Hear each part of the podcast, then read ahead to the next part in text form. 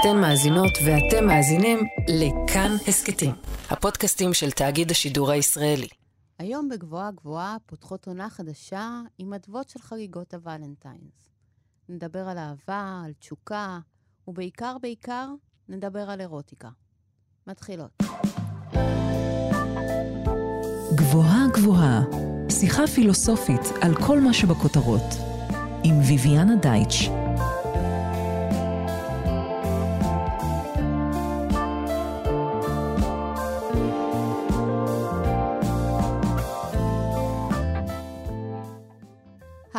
אני ביביאנה דייט, שאנחנו על גבוהה גבוהה, תוכנית בה מדי שבוע ניקח פיסת מציאות אקטואלית ונפרק לה את הצורה הפילוסופית. השבוע חגגנו את חג הוולנטיינס, סיבה מצוינת לדבר על אירוטיקה. מה זה בכלל? זו תשוקה, זו אהבה, אולי מיניות? איך היא מופיעה בחיים שלנו כאן, היום? נחזור אל המשתה של אפלטון וניטה האם אנחנו יכולות לייצר אירוטיקה, להשתמש בה לצרכינו, או שאולי זו היא שפועמת בנו ומייצרת דרכנו. ואיך כל זה מתרחש, אם בכלל, בעולם של טינדר וגריינדר. איתי באולפן פרופסור ורד לב כנען, חוקרת מיתוסים עתיקים שמכוננים את חיינו, ומרצה בחוג לספרות באוניברסיטת חיפה. בין ספריה, המשמעויות של פנדורה, המוקדש למיתוס האישה הראשונה, והלא מודע העתיק, שעוסק בקשר בין הפסיכואנליזה של פרויד למיתולוגיה היוונית. שלום ורד. שלום ביביאנה. מה זו אירוטיקה? זו תשוקה, זו מיניות, אהבה. אז קודם כל זה שאלת השאלות. האירוטיקה, אם היום אנחנו חושבים עליו כעל איזשהו מושג מסוים שמכיל בתוכו אולי את המיניות, או אה, את אמצעי העזר למין, כשאנחנו שומעים נכון. על חנויות אה, אה, אירוטיקה, או אירוס, או סרטים אירוטיים.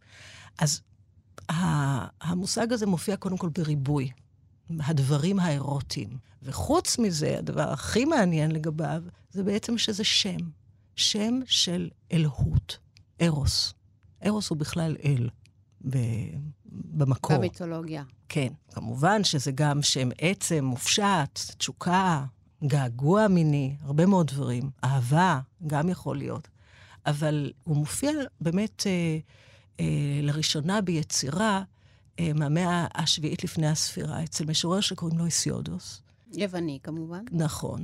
זו שירה קוסמולוגית שמתארת את אה, התפתחות העולם, איך הגיעו הדברים לכדי מה שהם עכשיו. והרצון של המשורר הזה זה להגיע באמת לראשית הראשונית ביותר. והוא שואל את עצמו, ממה הכל נוצר? עכשיו, אין כאן אל בורא. ולא כמו בסיפור של בראשית, שיש אל שחושב ויוצר, אלא יש כאן איזה מין ארבעה יסודות ראשונים שצצים ופתאום יוצרים דברים. Mm-hmm. לאט לאט מסתבכת ונוצרת ההוויה המסובכת שאנחנו חיים בה. מה שמדהים לגלות הוא שאם נאמר, היסוד הראשון זה איזה מין תוהו ובוהו, ריק, כאוס, ואחר כך מופיע האדמה, אחר כך מופיע איזה מין חלל כזה עמוק של תוך האדמה שקוראים לו טרטרוס, פתאום מופיע איזה יסוד חדש, מוזר, שקוראים לו ארוס. והיסוד הזה הוא היפה ביותר מכל האלים ובני התמותה, שהוא יסוד שהוא עתיד גם להרוס ולהחליש. נשמע כמו תשוקה. אז זהו, אז איך להבין את, ה... את הכוח הזה, שאנחנו גם רואים אותו כמיטיב, אבל גם רואים בו באמת אה, משהו הרסני. לכן יש משהו באירוטיקה שתמיד הוא הולך לשני כיוונים, שתמיד יש בו איזה מין חוויה שהיא אה, גם וגם, או שהיא מעוררת בנו אה, רגשות אמביוולנטיים. אנחנו רואים את זה לכל אורך התרבות, נכון? ארוס הוא גם מגונה, במיוחד בתוך השקפות אה, שהן דתיות או שמרניות, כל מה שקשור לגוף, כל מה שקשור לתשוקה מינית. הוא נחשב משהו שצריך לדחות אותו, להתגבר עליו, להתגבר על היצר, נכון? ומצד שני... הוא זה שיוצר. הוא זה שיוצר, הוא זה שבונה, הוא זה שמוליד. אז יש את השניות הזאת. איפה אנחנו רואות היום אירוטיקה בעולם שלנו? איפה זה ברמה הכי יומיומית קיים, לפני שאנחנו הולכות לפילוסופיה הארדקור? אני חושבת שהאירוטי יכול להיות קיים, אם אנחנו מודעים אליו בכל mm-hmm. רגע ורגע. והוא נמצא ביומיומי. השאלה אם אנחנו, אם אנחנו יצורים מתבוננים, אם אנחנו נוכחים לעומת איזה יופי שמגיח אלינו, כבר אנחנו יכולים להגיד שאנחנו חשים איזושהי תשוקה. זה משהו ש... לאפשר אותו. זה משהו שמתאפשר מתוך ה... אה, אני חושבת, מתוך אה, מבט, מתוך התבוננות, מתוך הבנה שאנחנו יצורים ש... שיש לנו אה, כמיהות, שאנחנו קשובים אליהם, שאנחנו קשובים לזולת, רואים אותו, אותה.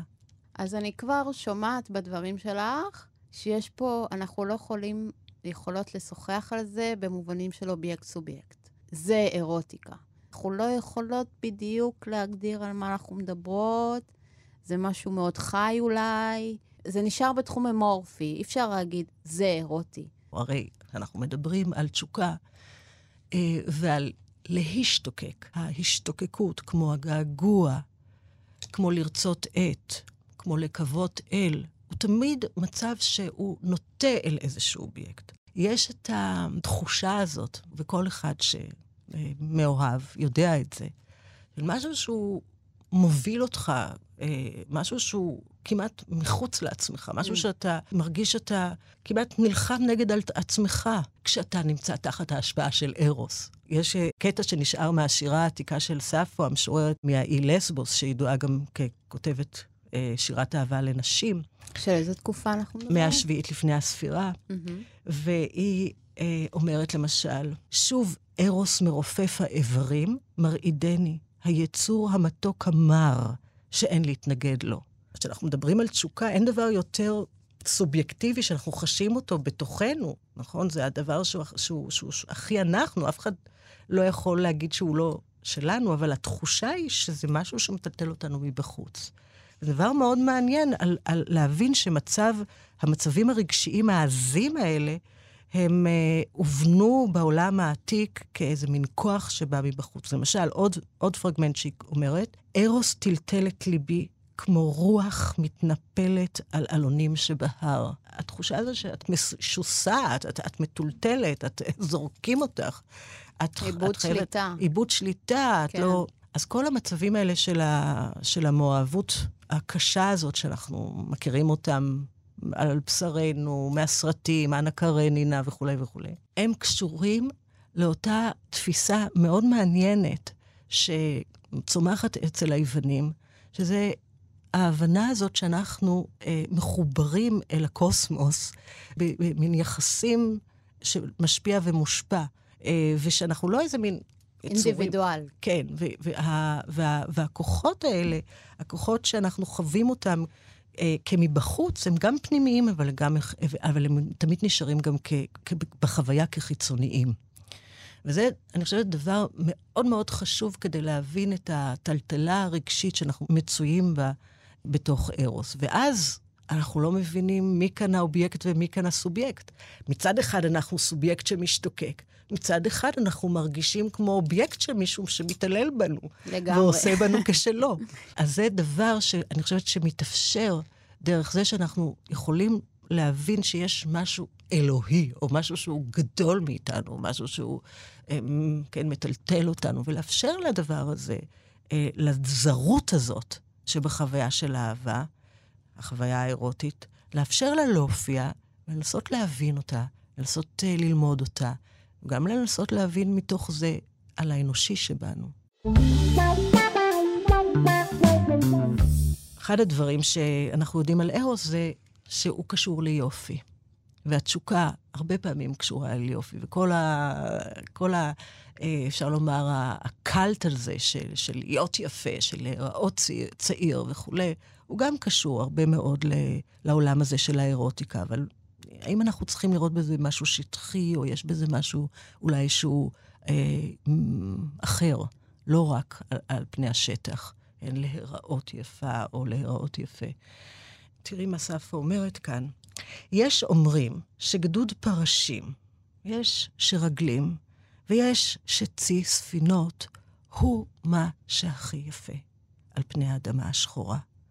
ואני אומרת שזה מה שאדם אוהב.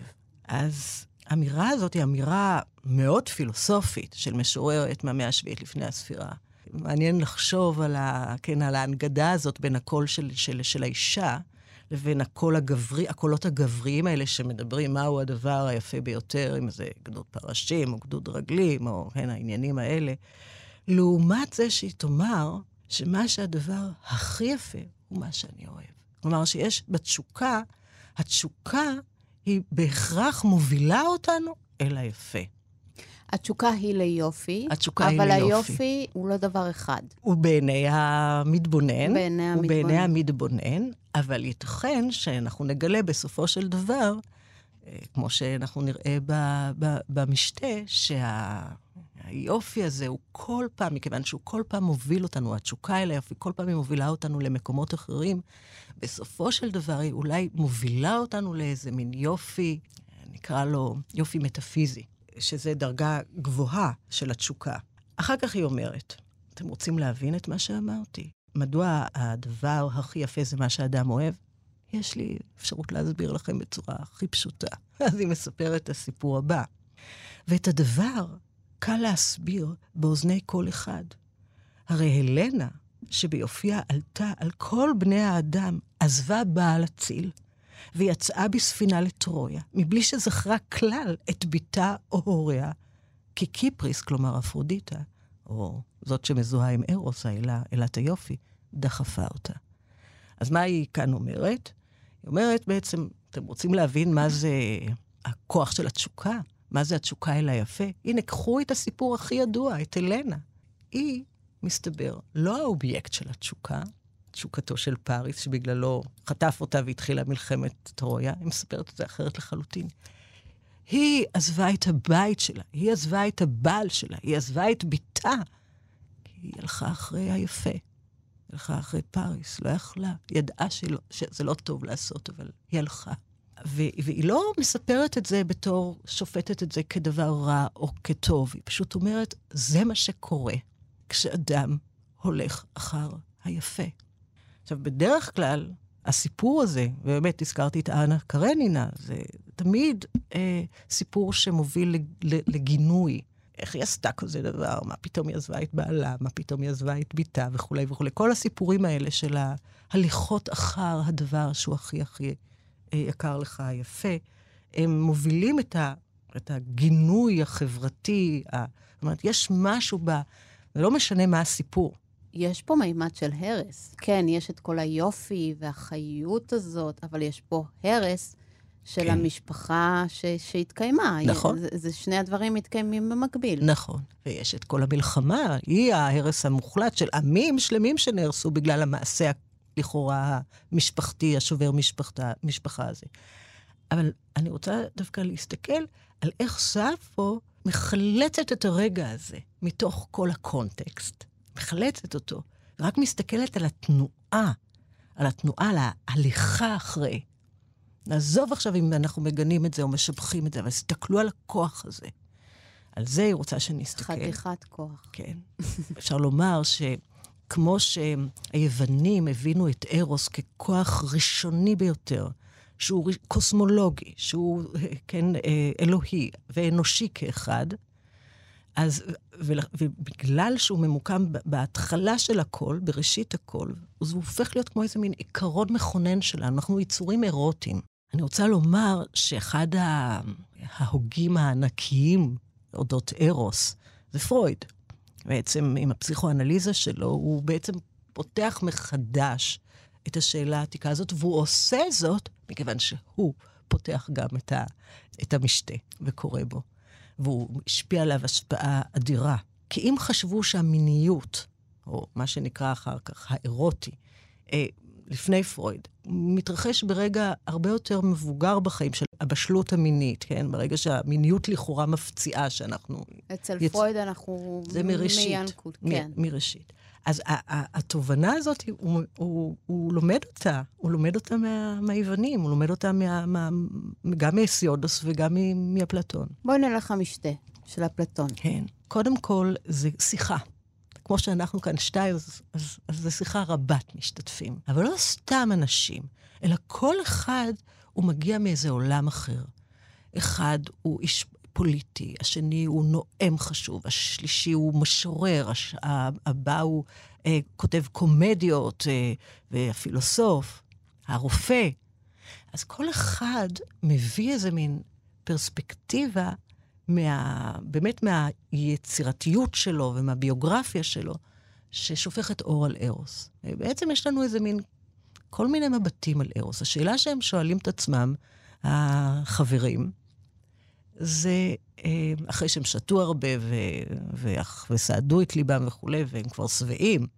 זו נקודה מעניינת, שמתחילים לדבר על ארוס ממקום אה, רגוע, mm-hmm. שכל הצרכים ה- פיזיים. הפיזיים רגועים. כן. אז יש לשיחה הזאת מימד אה, גם, אה, גם רציונלי, אפשר לומר, למרות שיש בה גם מימד אירוטי, כי הם יושבים סמוכים אחד ליד השני, ויש תמיד את השאלה מי נוגע במי במקרה או שלא במקרה, ומה המשמעות של הנגיעה הזאת. יש שם מימד אירוטי מאוד גדול בשיחה הזאת. אחד הדברים שכל כך אה, קוסמים ב, ביצירה הזאת, זה שבעצם ממציאים מיתוסים חדשים על ארוס. אחד המקומות המרתקים ביותר, אני חושבת, ב, ב, בדיאלוג הזה, זה הרגע שבו כותב הקומדיות, אריסטופנס מציע את ה, מה שנקרא, את הטייק שלו על מה זה ארוס. ואז הוא אומר, אמ, תראו, כדי לדבר על ארוס, אנחנו צריכים להבין מי אנחנו. כדי להבין מי אנחנו, אנחנו צריכים להבין איך נוצרנו. מה זה האדם? מה זה האנושי הזה? ואז הוא אומר, בעצם אנחנו צריכים לדעת, כשנוצרנו, משלושה סוגים אנושיים. סוג אחד הוא גברי, סוג אחר הוא נשי, והסוג השלישי, הוא מכנה אותו האנדרוגינוס. גם אבל... וגם. אז הוא אומר, אנחנו בעצם שלושה מינים.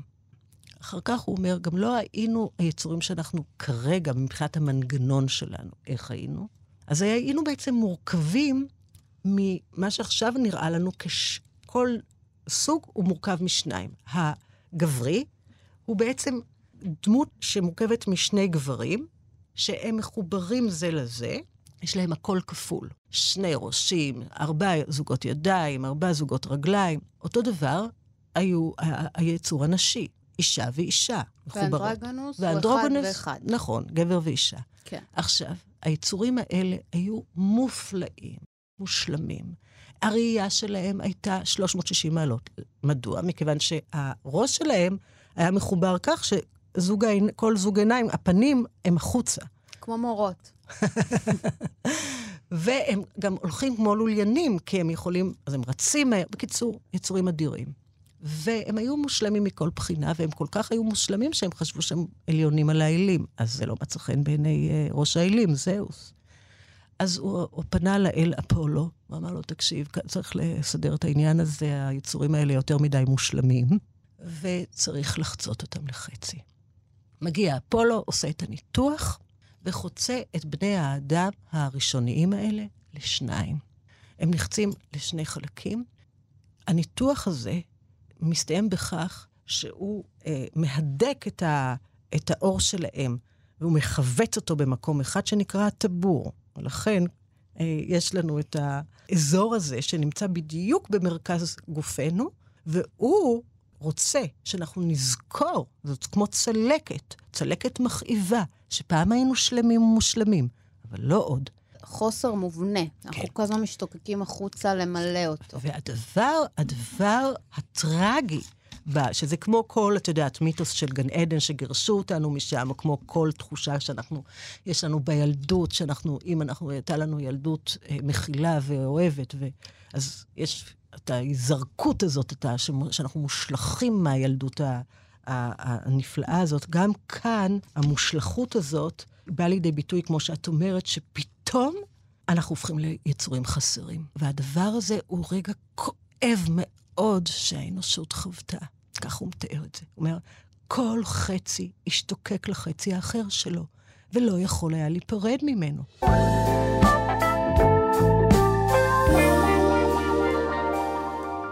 ובכן, לאחר שאדם נחתך לשניים, כל חצי השתוקק לחצי האחר שלו ולא יכול היה להיפרד ממנו.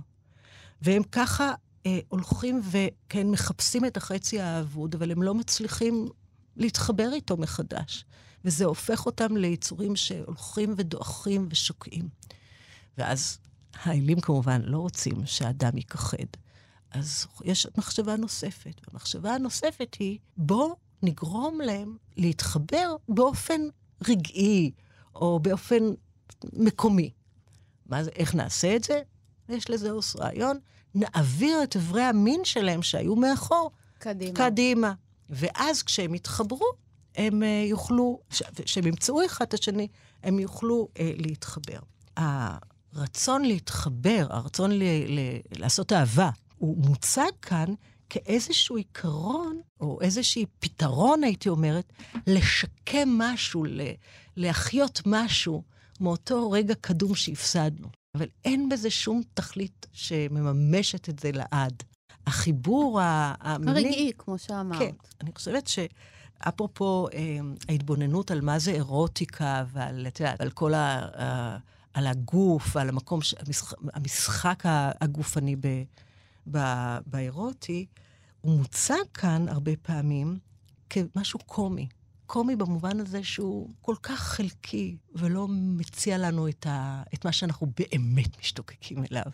וזה באמת להיות ביחד לגמרי, להיות מותחים אחד אל השני. זה נורא מעניין הדבר הזה, כי אנחנו באמת, כשאנחנו אה, אוהבים, או אוהבים, הרבה פעמים יש לנו את התשוקה הזאת, יש שיראו בזה תשוקה שקרית, להיטמע אחד בשני, להיות לאחד. זה הרבה פעמים מוצג כאיזה מין אשליה קומית, של, שמסתכלים על, ה, על המעשה האהבה הזה מבחוץ, אז רואים אותו כמשהו שהוא כל כך הרי זה בלתי אשלייתי. אפשרי. הרי כן. זה בלתי אפשרי.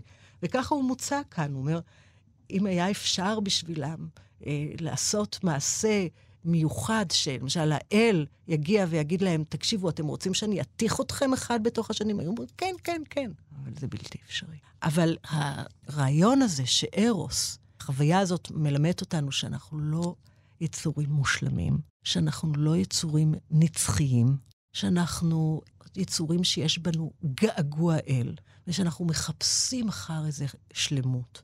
אבל שהשלמות הזאת היא לא קיימת. היא לא משהו שאנחנו יכולים באמת להגיע אליו, אנחנו רק יכולים לשאוף אליה. והשאיפה הזאת היא שאיפה שאמורה ללמד אותנו משהו על, על הטוב שבחיים שלנו. למה על הטוב? מכיוון שאנחנו, היא מעוררת אותנו לעשות דברים יפים וטובים. היא מעוררת אותנו, אה, כן, אה, אה, להגיע קרוב אל מי שהוא מעורר בנו את התשוקה. אם הוא יפה וטוב, אז, אז דברים טובים. אז אני עד, עד עכשיו שמעתי במה שאת אמרת אל היפה, אבל עכשיו אמרת הטוב. למה הטוב? זו כמובן אה, איזושהי הנחה, הנחת יסוד בפיל, בפילוסופיה האירוטית, שאם אנחנו משתוקקים אל היפה הוא בהכרח גם טוב, ושהטוב הוא בהכרח גם יפה. לא ייתכן, אומר כאן אה, סוקרטס לדוגמה, שאנחנו אה, נשתוקק אל המכוער. למה הרע הוא מכוער והטוב הוא יפה? זה הבסיס של, ה, של הפילוסופיה אה, היוונית, שהיפה הוא הטוב. אנחנו יכולים להשתוקק לאדם שאולי לא נחשב יפה. זה לא הבעיה. אם אנחנו משתוקקים אליו או אליה, זה סימן שיש שם משהו יפה. יכול להיות שהוא לא גלוי לעין, אבל יש שם משהו יפה. זה מחז... כמו שאמרת בהתחלה, יפה בשבילי. זה, זה לא רק בשבילי, זה משהו שאין לי. אני לא משתוקקת, אומר סוקרטס, ובעצם מי שאומרת את זה, זה מישהו, מישהו למד את זה ממנה, זו אישה, כהנת, בשם דיוטימה, והיא הסבירה לו שאנחנו לא יכולים להשתוקק אל מה שיש לנו. אני מחזיקה כאן את הז'קט שלי. אני לא יכולה להגיד, עכשיו אני משתוקקת אל הז'קט הזה, הוא בידי. אנחנו משתוקקים למה שאין לנו. אנחנו יכולים גם להשתוקק למשהו שיש לנו, אבל שאנחנו רוצים אותו עוד. אז תמיד אנחנו משתוקקים למשהו שהוא אינו. זה העיקרון הזה של כן, החסר. כן, כן, כן, כן. אבל אנחנו לא יכולים להשתוקק למשהו שהוא רע. עבור מי שמצטרפת אלינו עכשיו, אנחנו על גבוהה גבוהה, אני ביביאנה דייטש, איתי באולפן פרופסור ורד לב כנען, ואנחנו עוסקות בהתגלגלות המחשבה על אירוטיקה, אנחנו מדברות בעיקר על היוונים, אנחנו המשתה של אפלטון, ואני שומעת כרגע שני רעיונות מרכזיים שעסקנו בהם. אחד, שיש מימד אלוהי בארוס, שמפעיל אותנו. והדבר השני זה שיש לי תשוקה, תשוקה לאיזשהו היעדר, אולי זה אותו הדבר. ש, שיש לי תשוקה למשהו שחסר בי באופן מובנה? אולי אני אגיד, אולי אני אתייחס למה שאת, אני רוצה להגיב למה שאת אמרת. אחד, זה העובדה שזה באמת כוח חזק ומטלטל, והדבר השני, זה באמת היותו משהו שמוביל אותנו אל עבר אובייקט מסוים. שלעולם לא יהיה שלנו. חלן שלעולם לא יהיה שלנו. לעולם לא. ולכן הדבר החשוב שם להבין זה באמת רק הכוח של התנועה הזאת. אז יש פה מקום לרציונל, יש פה מקום, אנחנו נורא רגילות היום לדבר על סובייקט אוטונומי. אה, אנחנו אפילו מאדירות את הסובייקט הזה, הרציונלי, החושב, המחליט על עצמו. איך זה מסתדר עם כל המחשבה על ארוס? זה לא מסתדר. אבל אני חושבת שאחד הדברים שאנחנו לומדים זה שיש יש משהו בתשוקה שיכול גם להניע אותנו אל התשוקה אל הרציונלי, או אל התשוקה... אל האוטונומי. אל האוטונומי. זאת אומרת שהתשוקה יכולה להיות גם מכוונת אל הדבר הזה. בואי נסביר אומרת, על זה קצת. התשוקה יכולה להיות, כמו שאנחנו יודעים, יכולה להיות הרסנית, יכולה להיות אה, אה, מפרקת, אבל היא יכולה להיות תשוקה שרוצה לבנות, יכולה להיות תשוקה שרוצה אה, אה, לחשוב מחשבות טובות, אה, פוריות, שהיא רוצה ליצור דברים.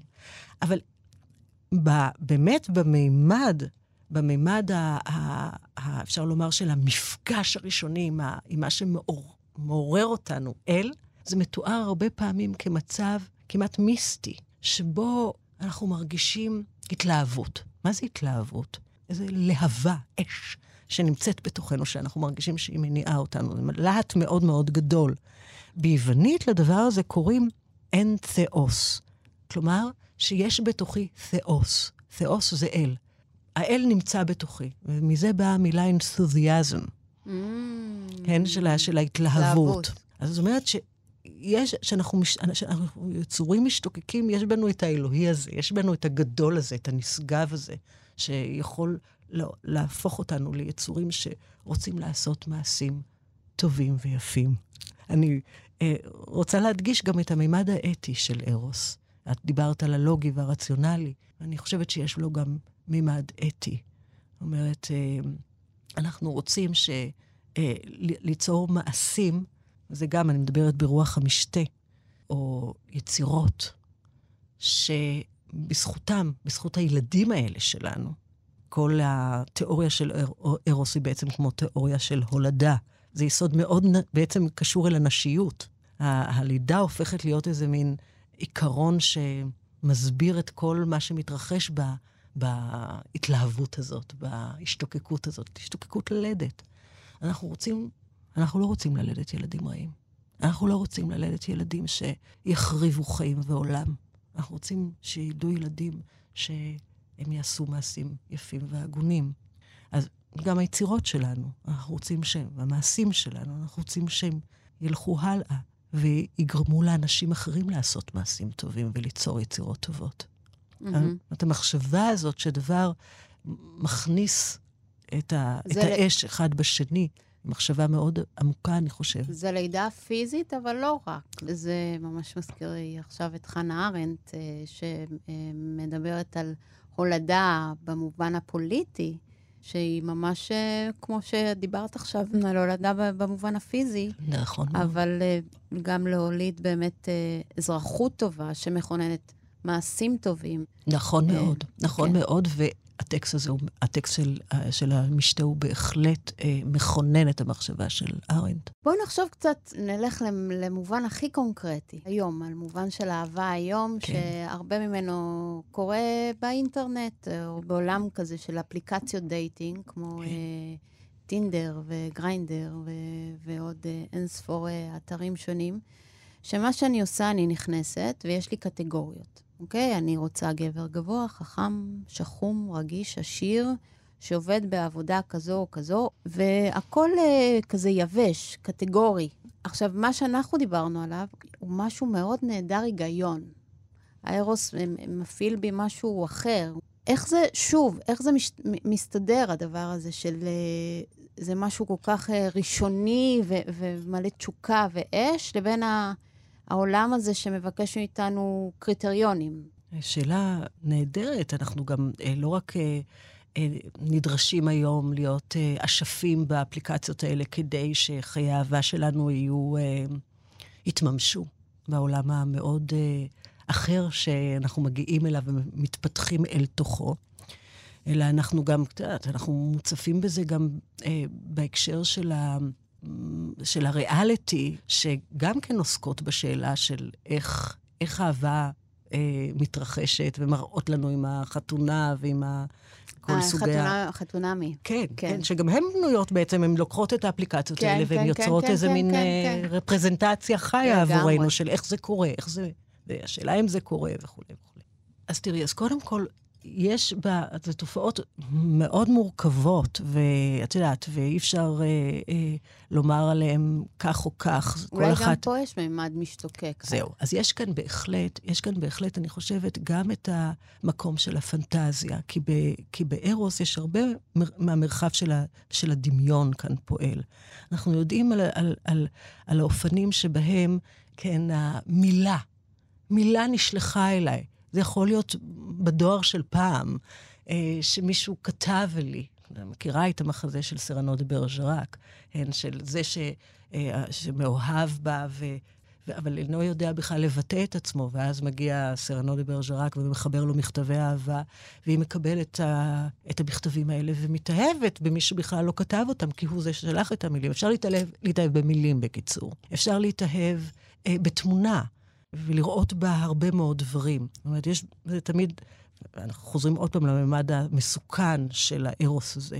היא ה, יש בו את הממד ה, שבו הדמיון משתלט על, על המציאות, כן? אנחנו לא, אין לנו כבר הבחנה מה, מה, מה האמת ומה, ש- ומה, מה בונה את עצמו כאמת. מהמם, מהמם. אז יש בזה את הממד הזה.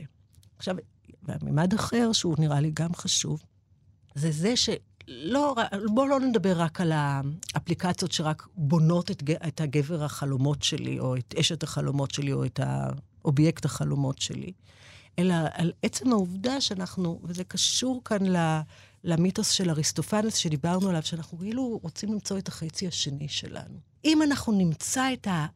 הישות הזאת שבדיוק חסרה לנו והיא גם זהה לנו באיזשהו מובן. היא כל כך הרמונית איתנו, אנחנו נהיה, נמצא את. האושר. המחשבה הזאת היא מחשבה מאוד בעייתית.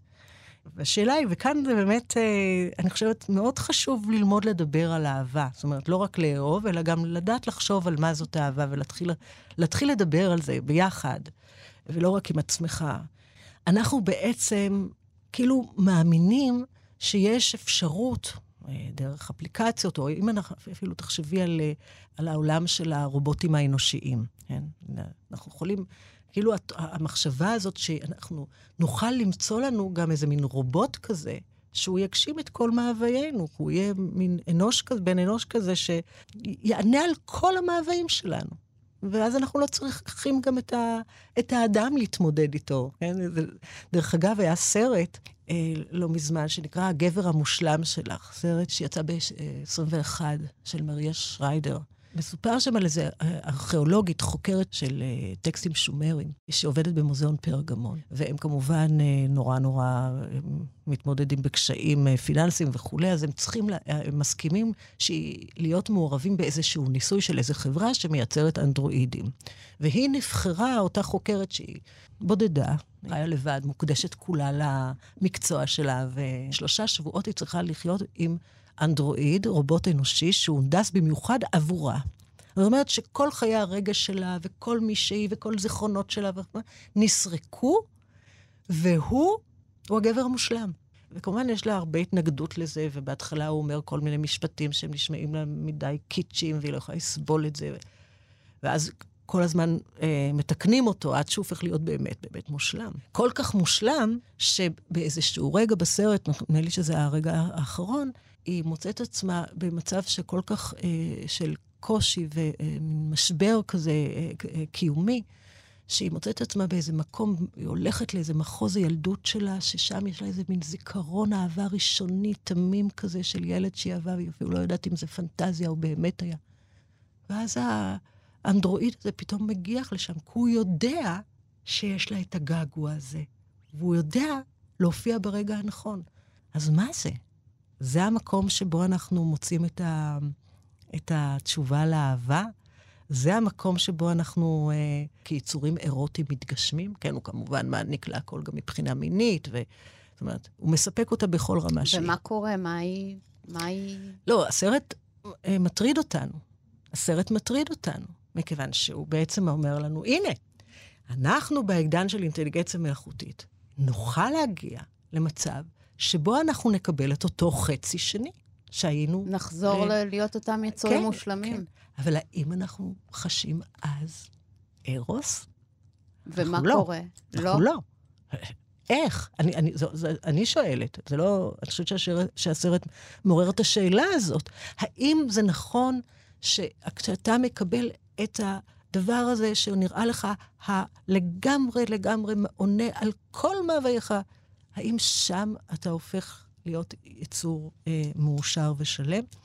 אני חושבת שהמיתוס שה, של ארוס מלמד אותנו שהאירוטיקה שה, אה, האמיתית, או לא יודעת אם האמיתית, אבל אחת המשמעויות העמוקות של החוויה האירוטית, זה שאנחנו יצורים שחיים בזמן, שאנחנו כל הזמן משתנים. אנחנו לא, אין איזה קיבעון של מי שאנחנו, ואין קיבעון של מישהו זה שאנחנו רוצים אותו. אלא אנחנו במפגש הזה, שהוא הרבה פעמים יכול להיות מקרי, או אפילו, ש... אפילו מתרחש אה, דרך הטינדר, או אפילו מתרחש... אבל שם מתחיל מסע. מסע שהוא גילוי שהוא גם של האחר, וגם של האחר דרך אותי. וגם שאני דרך ה... זה לא, לא מסע שבו אתה מוצא את מה שהיית או מה שרצית, אלא אתה מוצא אולי מה שאתה תהיה, מה שתרצה להיות.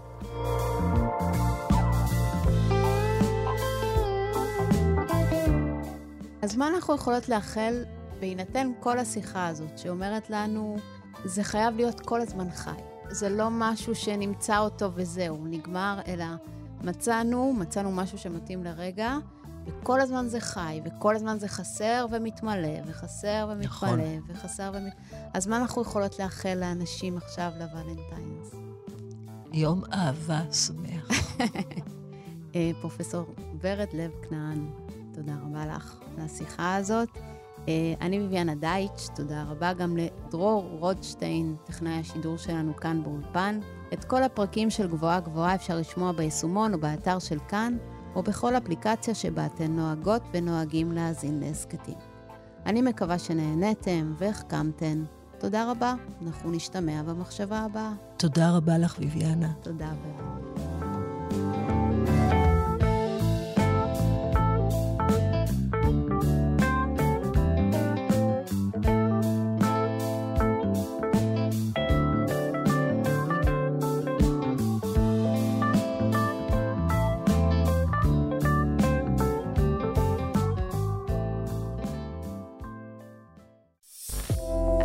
מאזינות ואתם מאזינים לכאן הסכתים, הפודקאסטים של תאגיד השידור הישראלי.